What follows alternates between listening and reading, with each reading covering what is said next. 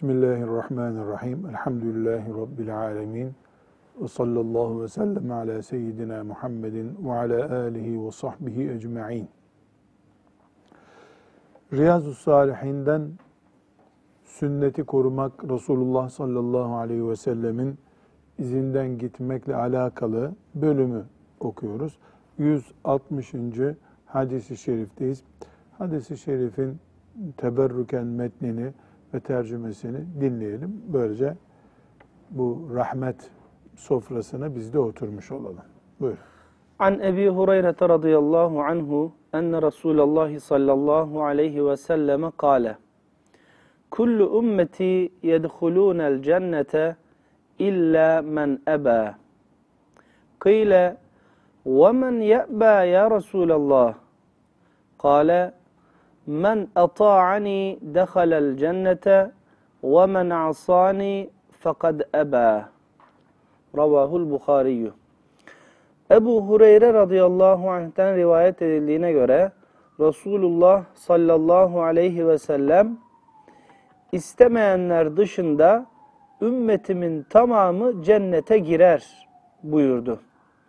Bunun üzerine ey Allah'ın elçisi cennete girmeyi kim istemez ki denildi. Peygamber Efendimiz sallallahu aleyhi ve sellem de bana itaat edenler cennete girer, bana karşı gelenler cenneti istememiş demektir buyurdu. Sallallahu aleyhi ve sellem. Sanki böyle mecazi ve dolaylı bir söz söylemiş gibi anlaşılıyor dışarıdan bakıldığında. Çok net ve açık söylüyor sallallahu aleyhi ve sellem Efendimiz. Nedir bu açık söylediği?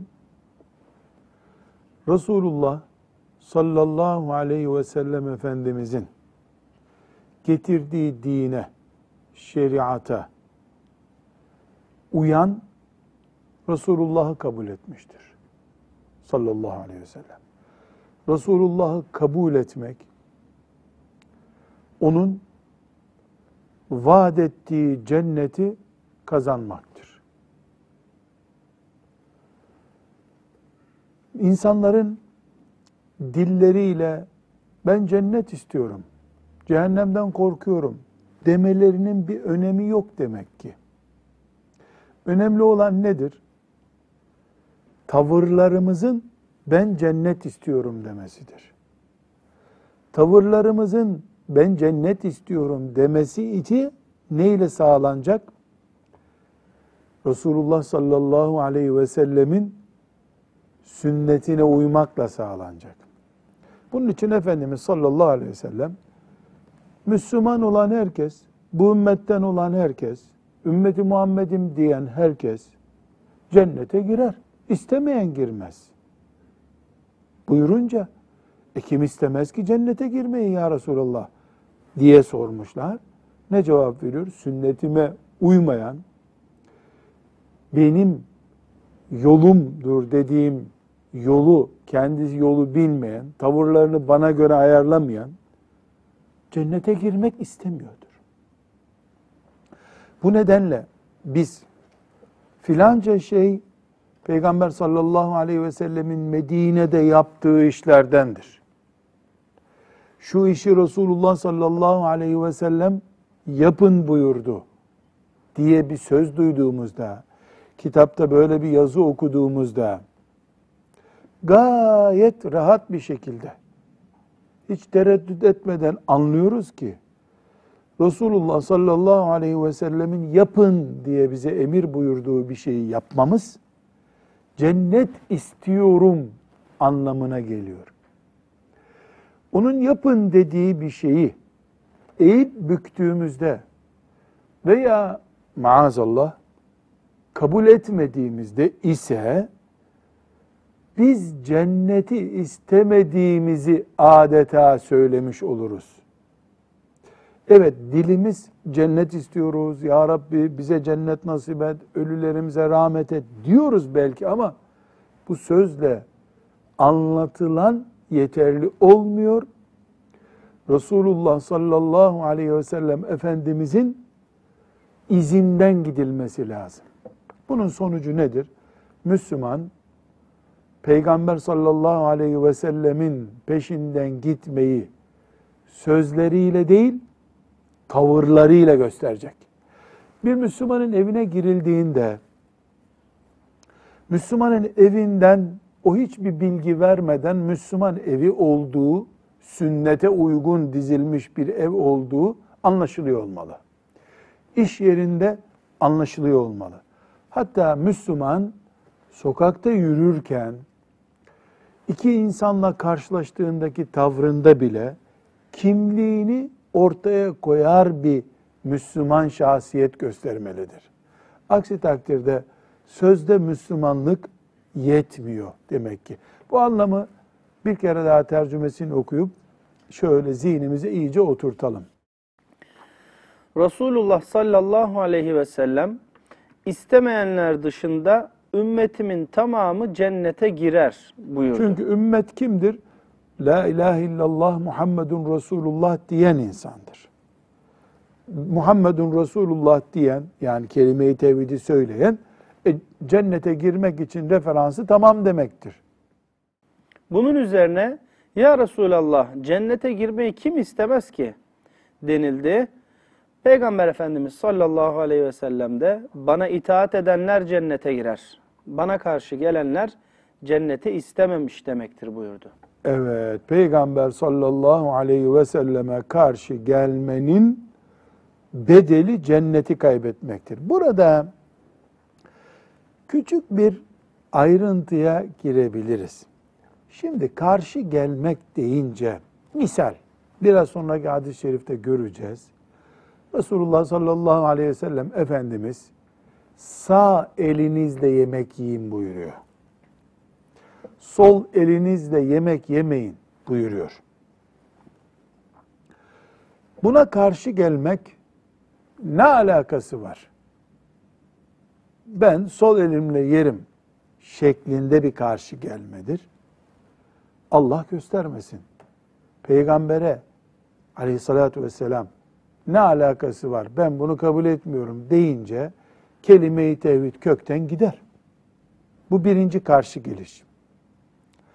İkincisi tembelliğe vurur, sıkıntı görür, arkadaşlarından utanır. Bunun için mesela onun herhangi bir emrine uymaz ama yüreğindeki sevdası o emre uymaktır aslında. Bu her ne kadar yanlış bir yolda idiyse de inşallah bunun cennet tehlikesi var demiyoruz. Neden? Bu hata işlemiştir. Tövbe eder, hatasını kapatır. Filan iyiliğinden dolayı Allahü Teala mağfiret buyurur onu. Bu umut vardır. Üçüncüsü de Müslüman yani zorlanmıştır. Aslında o ne buyurduysa aleyhissalatü vesselam Efendimiz onu yüzde yüz yapmak istiyordu. Unuttu. Uyuyakaldı. Dalgınlığına geldi. Bu da Peygamber aleyhisselam Efendimiz'e uymadı. Hiçbir sıkıntı yok. Allahu Teala kastımız, tembelliğimiz, ihmal edişimiz olmadığı sürece bizi kapısından kovmuyor. Önemli olan Müslümanın Resulullah sallallahu aleyhi ve sellemi başının tacı olarak sözüyle ve tavırlarıyla görüp görmediğidir. Sözüyle bunu söylüyor. La ilahe illallah Muhammedur Resulullah diyor. Tavrıyla da Resulullah benim başımın tacıdır aleyhissalatü vesselam diyor. Mesele yok. Meselemiz Peygamber aleyhisselam efendimize karşı diklenmeye cesaret bulmak meselesidir. Bu diklenme blok olarak onun peygamberliğine karşı gelindiğinde Ebu Cehillik olur zaten. Onun emirlerinden veya yasaklarından bir tanesine karşı diklenince mümin o zaman ayrım yapıyoruz. Bu diklenmeyi Peygamber aleyhisselamı basit gördüğü için mi yapıyor? Gafletinden mi yapıyor? Gafletinden yapıyorsa Allah gafurur rahimdir diyoruz. O sünneti basit gördüğü için yapıyorsa bunun cennetinde risk olabilir diyoruz. Sallallahu aleyhi ve sellem Efendimiz böylece bizi bir kere daha uyarmış oldu. 161. hadisi şerifi Seleme bin Amr radıyallahu anh'tan dinleyeceğiz. Bu sahabi bir hatırasını bize nakledecek. Şimdi hadis-i şerifi dinleyelim. Yine Peygamber Efendimiz sallallahu aleyhi ve sellemin izinden gitmek, onun sünnetini baş tacı yapmak, onun sünnetine göre hayat yaşama mücadelesini sürdürmekle alakalı bir hadis-i şerif dinleyelim. An Ebi Müslim'in ve kıyle Ebi İyasin Seleme tebni Amr ibnil Ekva'i radıyallahu anh enne raculen ekele inde Resulillahi sallallahu aleyhi ve selleme bişimalihi fekale kul biyeminike kale la estati'u. Kale lestata'te. Ma mena'ahu illa'l kibru fema rafa'aha ila fihi. Ravahu Müslim. Ebu Müslim ya da Ebu İyas Seleme İbni Amr İbni Ekva radıyallahu anh'ın naklettiğine göre bir adam Resul-i Ekrem sallallahu aleyhi ve sellemin yanında sol eliyle yemek yedi. Peygamber Efendimiz sallallahu aleyhi ve sellem adama sağ elinle ye buyurdu. Adam bir türlü yapamıyorum dedi. Bunun üzerine Peygamberimiz sallallahu aleyhi ve sellem yapamaz ol diye beddua etti. Çünkü adamın Resul-i Ekrem'i dinlememesi kibrinden dolayıydı. Bu beddua üzerine adam elini ağzına götüremez oldu. Ya evet. Sadaka Resulullah sallallahu aleyhi ve sellem. Gayet basit. Bir mecliste yemek yeniyor. Peygamber sallallahu aleyhi ve sellem de orada. O adam geliyor. Peygamber aleyhisselamın yanında sol eliyle yemek yiyor. Resulullah sallallahu aleyhi ve sellem de onu ikaz ediyor. Sağ elinle ediyor. Adam kibrinden yani bu yaşta mesela bu yaşta yemek yemeyi mi öğreneceğiz der gibi beceremiyorum sağ elimle yemeği diye itiraz ediyor. Öyle olsun diyor Efendimiz sallallahu aleyhi ve sellem. Resulullah sallallahu aleyhi ve sellemin öyle olsun buyurması beddua. Bedduası tutunca da adam sağ elini gerçekten ağzına götüremeyecek hale geliyor. Felç mi oldu, kasları mı tutuldu, ne oldu bilmiyoruz. Ama Resulullah sallallahu aleyhi ve sellem Efendimiz'e karşı edep dışı bir çıkış yaptı. Bu edep dışı çıkışı onun sağ kolunun tutulma nedeni oldu.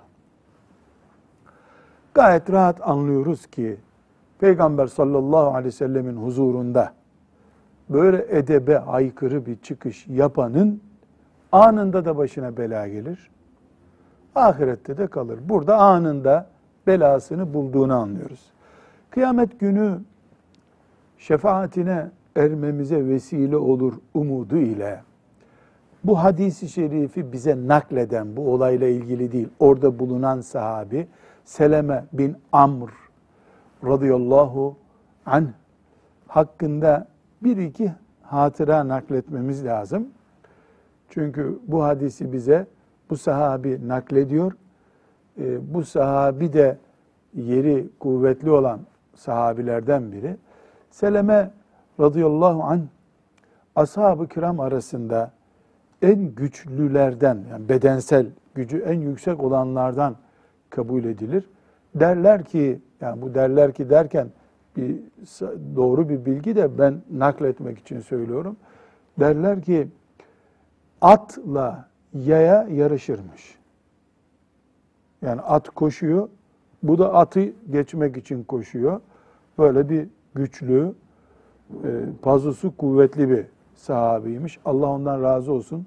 Resulullah sallallahu aleyhi ve sellemle yedi kere gazveye katılmış. Yedi savaşa katılmış. Ama e, en önemli özelliği bu sahabi Bey'atur Rıdvan diye bilinen Hudeybiye sulhu esnasında ashab-ı kiramın bir bölümü Resulullah sallallahu aleyhi ve sellemle ölünceye kadar e, onun yanında kalmak üzere bir beyat yapmışlardı. Bu beyata katılanlardan birisidir. Yaklaşık 700 kişi kadar oldukları söyleniyor. Kur'an-ı Kerim onlar hakkında pek mübarek ayet indirdi. Yedullahi fevka eydihim. Allah'ın eli onların eli üzerindedir. Ayeti bunlar hakkındaymış. Bu sahabi Seleme bin Amr radıyallahu anh onlardan bir tanesidir. Rabbim şefaatine ermeyi nasip etsin.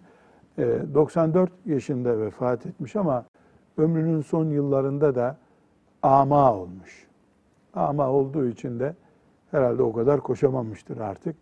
Yiğit bir sahabi ama yiğitliğinden de ziyade e, Resulullah sallallahu aleyhi ve selleme beyat eden sahabilerden biri. Burada bu hadisi şerifte konuyu hatırlayalım. Adamın birisi Efendimiz sallallahu aleyhi ve sellemin yanında e, sol elle yemek yiyor. Efendimiz sallallahu aleyhi ve sellem sağ elle yesene buyuruyor. Adam da yani elinde bir bahane olduğunu, yiyemediğini söylüyor. Efendimiz de öyle olsun diyor. Adamın eli ağzına bir daha gidemeyecek hale geliyor. Buradan e, bu hadisi şeriften ne hükümler çıkıyor? Bir, birinci çıkarılması gereken şey yemek yemek, su içmek Müslümanlıkta sağ elle olur. Sağ elle yemek yenir, sağ elle su içilir. Müslümanlık böyledir. Müslüman bu kimsedir. Elbette Müslümanın sağ elinde yara olur, yaratılışta sağ eli kullanamayacak kadar solak olur.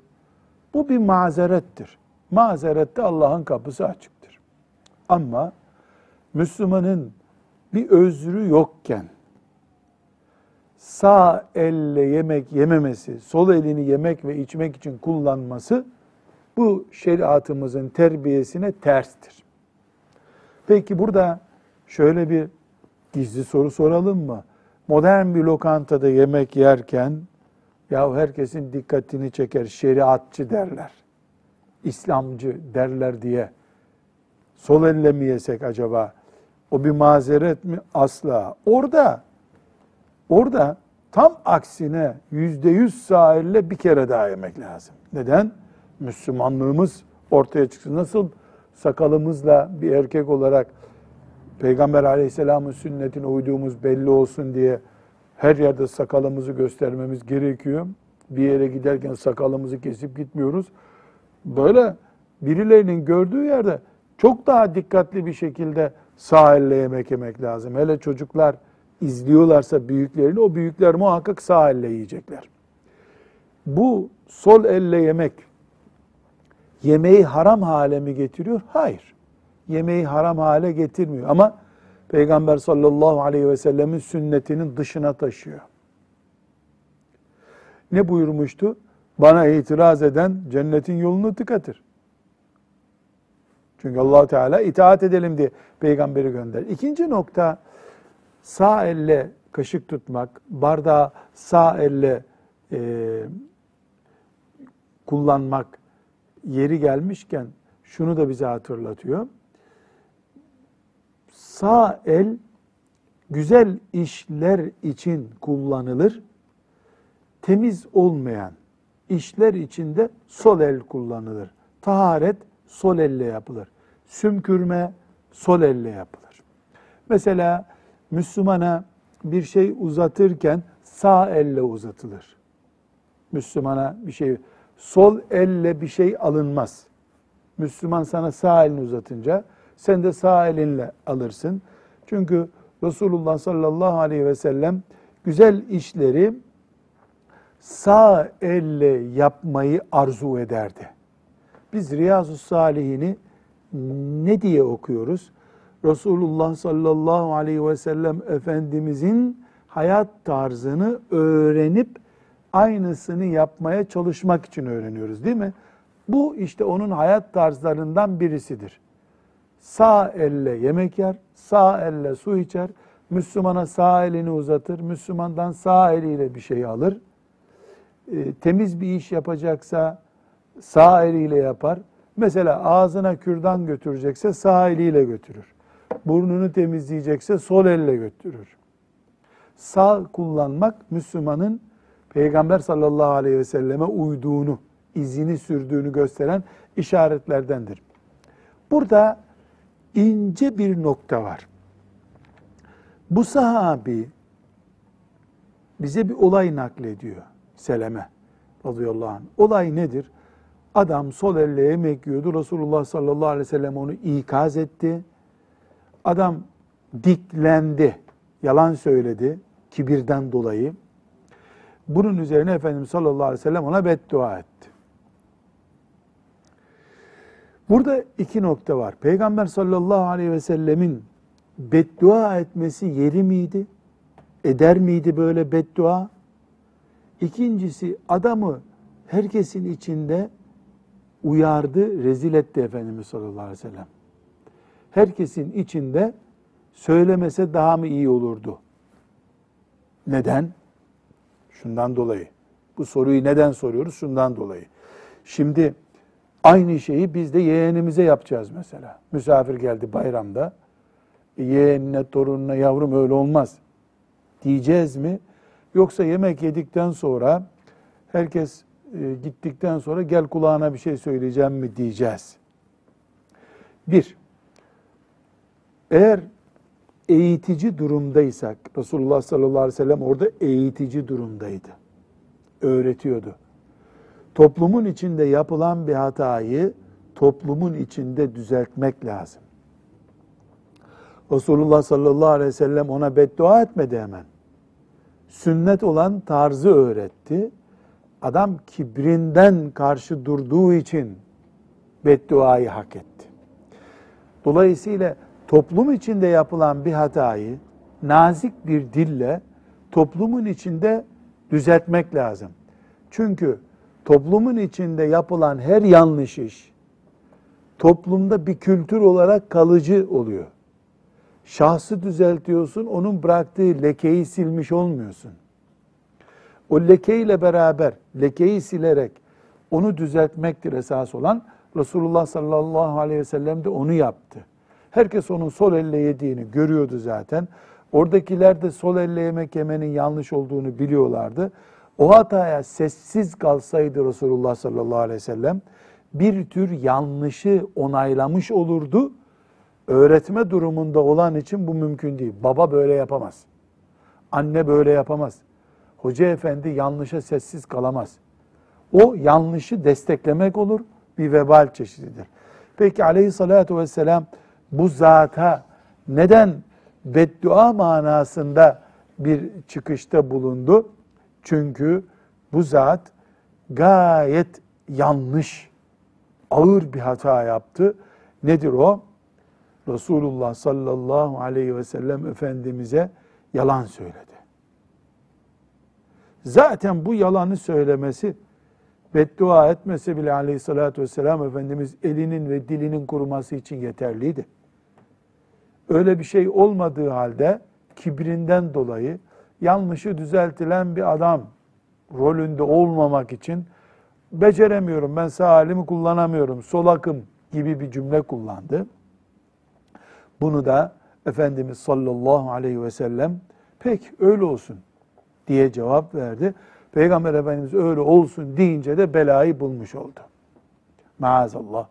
Bu sebeple Müslümanın hatasına karşı kibirle cevap vermesi, bedduayı hak edecek kadar bir hata olduğunu, hatanın üstüne bir hata daha getirdiğini gösteriyor. Sol elle yemek yemesi bir hataydı. Peki ya Resulullah dese iş kapanacaktı. Ya da deseydi ki yani haram mı bu ya Resulullah? Efendimiz de haram diyecekti. Tamam kapanacaktı bu mesele. Ama yalan söyledi, kibir yaptı, hatasını ziftle kapattı bu. Bunun için de bedduayı hak etti. Bunu da ayrı bir nokta olarak kaydetmiş oluyoruz. Şimdi 162. hadisi şerife gelelim. An Ebi Abdillah en-Nu'man İbni Beşir radıyallahu anhuma kâle semi'tu Resulallah sallallahu aleyhi ve selleme yekulu letusevvunne sufufekum ev leyuhalifennallahu beyne vucuhikum. Muttefakun aleyh. Ebu Abdullah Nu'man İbni Beşir radıyallahu anhuma'dan rivayet edildiğine göre Resulullah sallallahu aleyhi ve sellem şöyle buyurdu. Ya saflarınızı düzeltirsiniz ya da Allah Teala sizin aranıza düşmanlık, buğz ve kalplerinize ihtilaf koyar da birbirinizden yüz çevirirsiniz. Müslim'in bir başka rivayeti şöyledir. Resulullah sallallahu aleyhi ve sellem sanki okları düzeltir gibi saflarımızı düzeltirdi. Bizim buna alıştığımızı görünceye kadar böyle yapmaya devam etti. Kendisi bir gün namaza çıktı ve namaz kıldıracağı yerde durdu.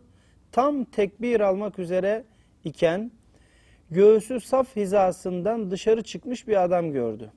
Bunun üzerine şöyle buyurdu. Ey Allah'ın kulları ya saflarınızı düzeltirsiniz ya da Allah Teala sizin aranıza düşmanlık, buğz ve kalplerinize ihtilaf koyar da birbirinize yüz çevirirsiniz. Gayet basit anlaşılacak bir hadis-i şerif. Resulullah sallallahu aleyhi ve sellem namaz kılarken camide safların düzeltilmesini emir buyurdu. Safların düzeltilmesini o kadar önemsiyordu ki saflarınızı düzeltmezseniz aranıza düşmanlık, nefret ve anlaşmazlık koyar Allah buyurdu. Şimdi biz bu hadisi anlamak için şöyle bir değerlendirme yapmak istiyoruz. Camide namaz kılıyoruz. Allah'ın emrini yerine getiriyoruz. Bir amca, hacı amca dikkat etmedi, safı biraz bozdu. Bir milyarlık İslam alemi, bugünkü ifadeyle, on binlerce, milyonlarca belki mescit var. Onlardan bir tanesinde bir hacı amca safı biraz bozdu. Bu durumu Resulullah sallallahu aleyhi ve sellem değerlendiriyorken senin namazının sevabı az olacak. Namazda safları düzeltmedin buyurmuyor. Ne buyuruyor? Ya saflarınızı düzeltirsiniz ya da Allah Teala sizin aranıza düşmanlık, nefret ve kalplerinize anlaşmalık koyar da birbirinizden yüz çevirirsiniz. Burada işte durmamız gerekiyor. Gayet dikkatli dinlememiz gerekiyor. Hacı amca namazda dikkat etmedi, safları biraz eğik yaptı. İmam efendi de bunu düzeltmedi, namaza durdular. Sonuç toplumda nefret, buz ve ayrılıklar oldu. Camide bir safı düzeltmedik, cezasını toplum olarak çektik. Şimdi bu hadisi şerif kaynakları itibariyle sahih hadis-i şerif. Hatta Buhari'de de var. Müttefakun aleyh hadis-i şerif. Kur'an-ı Kerim'den sonraki en güçlü bilgi kaynaklarımızdan birisini okuyoruz şu anda. Kur'an düzeyinde değil ama hadisin en zirvesinde bir bilgi bu. Tekrar düşünelim. Camide, safta iki kişi bir bozukluk yaptı. Saf dümdüz olmadı. Sahabi ne diyor? Böyle okları yani savaşta kullanılan okların hepsi aynı ya boyları. Böyle onları dümdüz. Biz onu şöyle diyelim. Kalemleri dizdiğimiz gibi safımızı dizerdi diyor. Demek ki dümdüz olması gerekiyor safın. Dümdüz olması gereken saftan birisi biraz ileri çıktı, geri çıktı. Toplumda kavga gürültü oldu diyor. Bu hadisi şerif bize ne kadar büyük dersler veriyor. Yani biz toplumda kavga olmasın diye şu bu işle uğraşırken aslında camideki saftan başlıyor olmamız lazım. Namazın büyüklüğünü, topluma etkisini, ahiret sevabı kadar dünya düzeni sağlamayı da oluşturduğunu anlıyoruz bu hadis-i şeriften. Ama her halükarda En-Nu'man İbni Beşir radıyallahu anh bu 162. hadis-i şerifi rivayet eden ravidir. Onunla da ilgili bir iki söz söyleyelim sonra inceliklerine geçelim. El Ensardan, Ensarcın Hazreç e, kabilesinden En-Nu'man İbni Beşir, babası da sahabidir. Allah ikisinden de razı olsun, bizi şefaatlerine nail etsin. Abdullah İbni Revaha e, radıyallahu anh'ın yeğeni bu. Abdullah İbni Revaha bunun dayısı. Meşhur Mute e, gazvesinde şehit düşen sahabi. Bu sahabi e, Nu'man İbni Beşir Medine'de doğan ilk ensar çocuğudur. Efendimiz sallallahu aleyhi ve sellemin hicretinin 14. ayında doğmuş. Yani Efendimizin hicreti ama ensardan ilk doğan. Muhacirlerden değil. Ensardan doğan ilk çocuk. Allah ondan, babasından, anasından razı olsun. O yüzden ashab-ı kiramın küçüklerindendir denir. Ama buradaki küçüklük yaş küçüklüğü itibariyle, değer küçüklüğü itibariyle değil.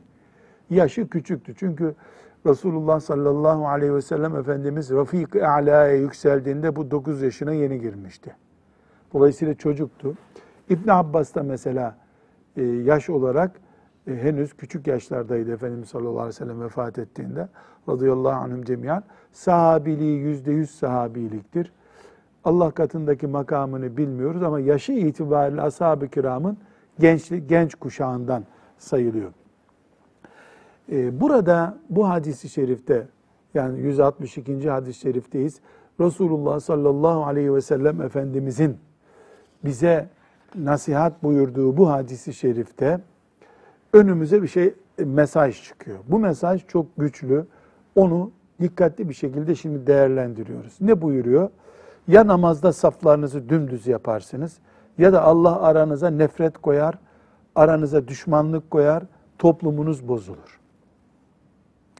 İlk etapta sokaklarla caminin ne bağlantısı var diye düşünüyoruz.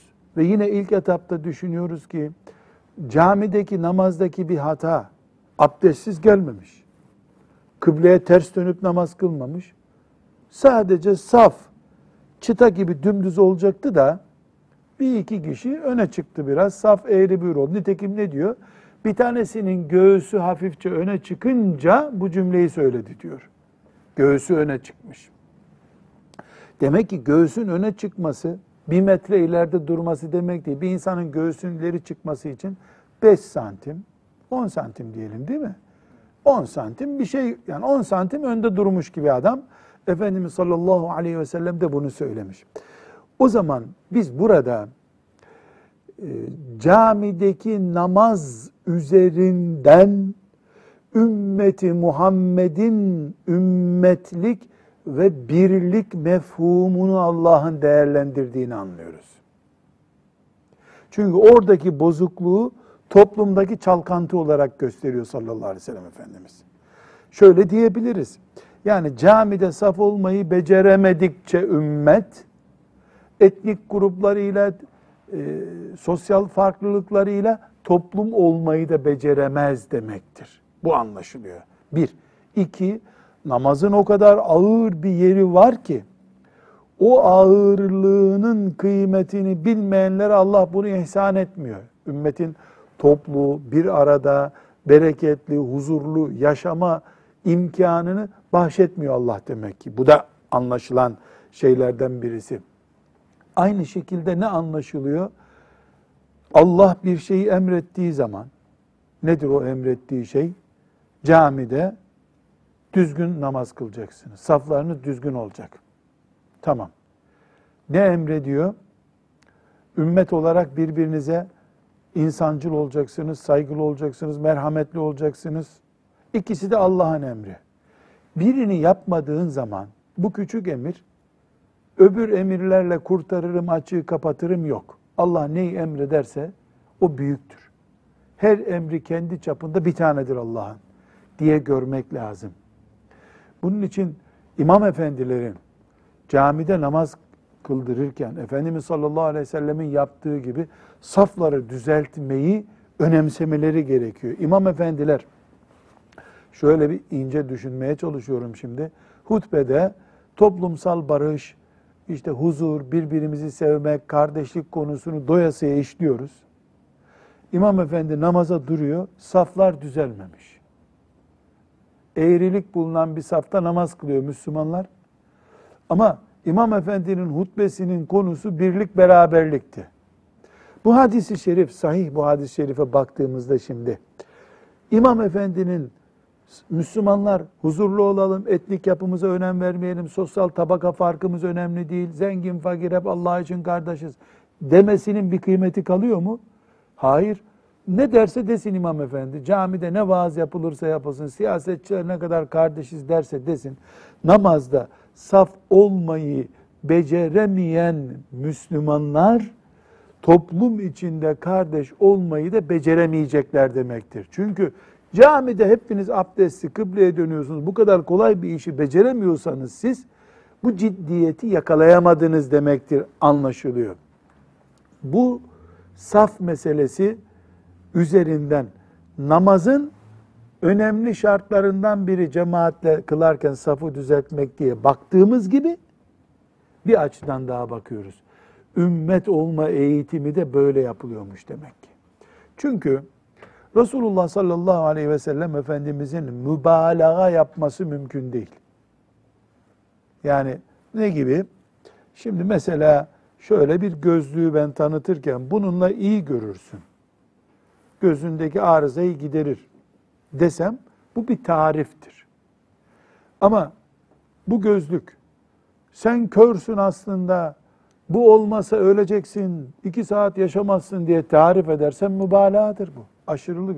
Gözlüğün vazifesi hayat kurtarmak değil, daha iyi görmeyi sağlamaktır. Efendimiz sallallahu aleyhi ve sellem mübalağa yapıyor diyebilir miyiz maazallah? Haşa. Ne buyurduysa dengelidir. Bu sahabi de bir şeyler dedi ama ne dediğini anlamadım demiyor ki. Bizzat duyduğunu söylüyor. Genç bir sahabi olarak Resulullah sallallahu aleyhi ve sellem böyle buyurmuştu diyor. E demek ki namazda safın düzeltilmesi meselesi sıradan bir mesele değil. Çünkü Resulullah sallallahu aleyhi ve sellem bunu mübalağa ile yapmıyor. Buradan biz bir kere daha görüyoruz ki Peygamber Efendimiz bizim hayatımızdır sallallahu aleyhi ve sellem. O camide saflarınızı dümdüz yapın buyurduysa, bu bizim hayatımızın da düzlüğü anlamına geliyor. Camide safı bozarsak şehirdeki hayatımız da bozulacak bizim. Biz fark etmesek de kendi kuyumuzu kazmış olacağız. Bunu anlıyoruz. Yani dinimizin birinci sınıf, ikinci sınıf konusu yoktur. Din hep birinci sınıftır. Resulullah sallallahu aleyhi ve sellem Efendimizin sünnetlerinin mesela namazda safları düzeltmek ilmihallerde sünnetler arasında geçiyor değil mi? Camide safları düzeltmek namazın sünnetlerinden mi farzlarından mı? Sünnetlerinden. Ama bu sünnet çok önemli bir sünnet değil diyemiyorsun. Toplumun huzuruna mal olacak bir sünnet. Neresi bunun gevşek sünnet olacak? Toplumun hayatına yüzde yüz huzuruna mal olacak bir sünnet bu. Her sünnet için geçerli bu. Bunu namazın önemi konusunda da anlıyoruz. Camideki çok basit 10 dakikada kılınacak bir namazın 10 yıllık hayatımıza mal olacak, toplum huzurumuzu sağlayacak veya bozacak bir uygulama olduğunu anlıyoruz. Bir de burada çok ciddi bir kural var. Bu böyle hadis şerhlerinde filan çok net bir şekilde izah edilmiyor ama ben tefekkür ederken şu da aklıma geliyor ki demek ki bizim dış görüntülerimiz iç görüntülerimizi de yansıtıyor olabilir. Veya tersten söyleyelim, iç dünyamız dış dünyamıza yansıyor olabilir. Kalplerimizde bir çarpıklık olmasa kalplerimiz düzgün ol, olsaydı eğer şu camideki safı düzeltebilirdik. Camideki eğriliğimiz öbür tarafa yansıyor. Düzse safımız düzlük olarak yansıyor. Eğri ise eğrilik olarak yansıyor. Bu dinimizin batini dediğimiz yani iç dünyamızla ilgili emir ve yasaklarının dışarıda zahiri emir ve yasaklarıyla çok bağlantılı olduğunu gösteren bir işaret. Burada tabii şüphesiz muhakkak konuşmamız gereken camide cemaatle namaz kılmanın önemi meselesi var. Konumuz safları düzeltmek ama niye düzeltmek bu? Çünkü camide kılınan bir namaz, cemaatle kılınan bir namaz normal tek başına kılınan namazdan 27 daha fazla sevap kazandırıyor. 27 kat, 27 derece daha fazla. Bu kadar önemli bir şeyde de laubaliliğe izin yok. Madem Resulullah sallallahu aleyhi ve sellem 27 tane fazla sevap, yani 27 kere sanki o namazı kılmış gibi olacak sevap vaat ediyor. O zaman safında düzgün olacak, abdestinde düzgün olacak, ciddiyetinde düzgün olacak. İmam efendi olanlar, velev ki evde üç kişiyle cemaat yaptık diyelim, sünnettir ya bu, dönüp safınızı düzgün tutunuz, Allah da kalplerinizi birleştirsin, Allah size rahmet etsin diye ikaz etmesi lazım. Yani bu namazdan önceki bir slogan değil, namazdan önceki bir uyarı gibi algılanmalı. Bilhassa çocukların da bulunduğu, saf düzen, safların çok büyük olduğu camilerde buna çok dikkat etmek lazım. Çünkü Efendimiz sallallahu aleyhi ve sellem çok ağır bir noktadan yakaladı bizi. Yani evde huzursuzluğumuzun nedeni camide düzgün saf olmadığımızdan olabilir mesela. Evet yüzde yüz ondandır değil ama Peygamber sözü aleyhissalatü vesselam boşuna da değil. Ve sallallahu ve sellem ala seyyidina Muhammedin ve ala alihi ve sahbihi ecma'in velhamdülillahi rabbil alemin.